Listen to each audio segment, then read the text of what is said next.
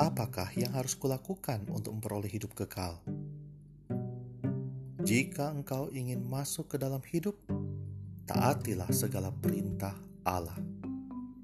Injil Matius pasal 19 ayat 16 dan 17. Masih kurang apa lagi Tuhan?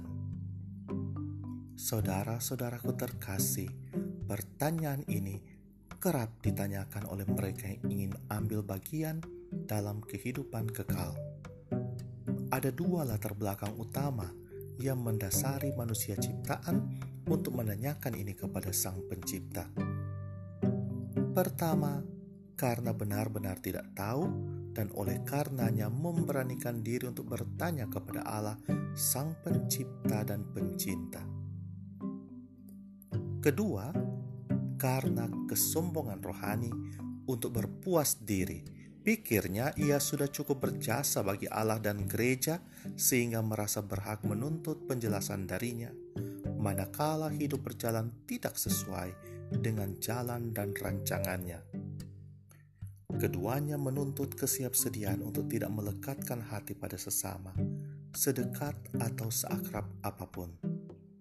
Hati yang melekat pada kesementaraan dunia akan berkeras hati pula dalam dosa, menolak bimbingan rohnya, dan dengan sedih hati pergi meninggalkan jalan Tuhan.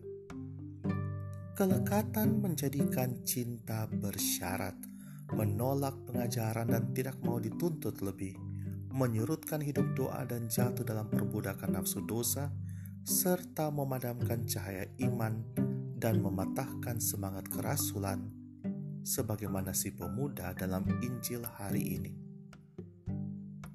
Saat ini, tanyakanlah pada dirimu sendiri, apakah engkau juga termasuk dalam bilangan orang-orang yang mendukakan Tuhan karena menolak taat dan setia Ataukah kamu termasuk dalam bilangan mereka yang sungguh mengimani Yesus sebagai andalan, serta meyakini bahwa apa pun jawaban Tuhan itu sudah pasti yang terbaik baginya? Hanya ada dua pilihan: ikut Yesus dan mengalami kebahagiaan kekal bersamanya, atau menjadi yang terhilang dalam kebinasan kekal. Sikap suam-suam kuku adalah kejijikan dan dimuntahkan dari mulut Tuhan. Jika ya, katakanlah ya. Jika tidak, katakanlah tidak. Selebihnya berasal dari si jahat, bapa segala dusta. Jangan abu-abu atau tidak konsisten. Segala sesuatu mungkin bagi hati yang mencinta. Memento mori, sursum corda.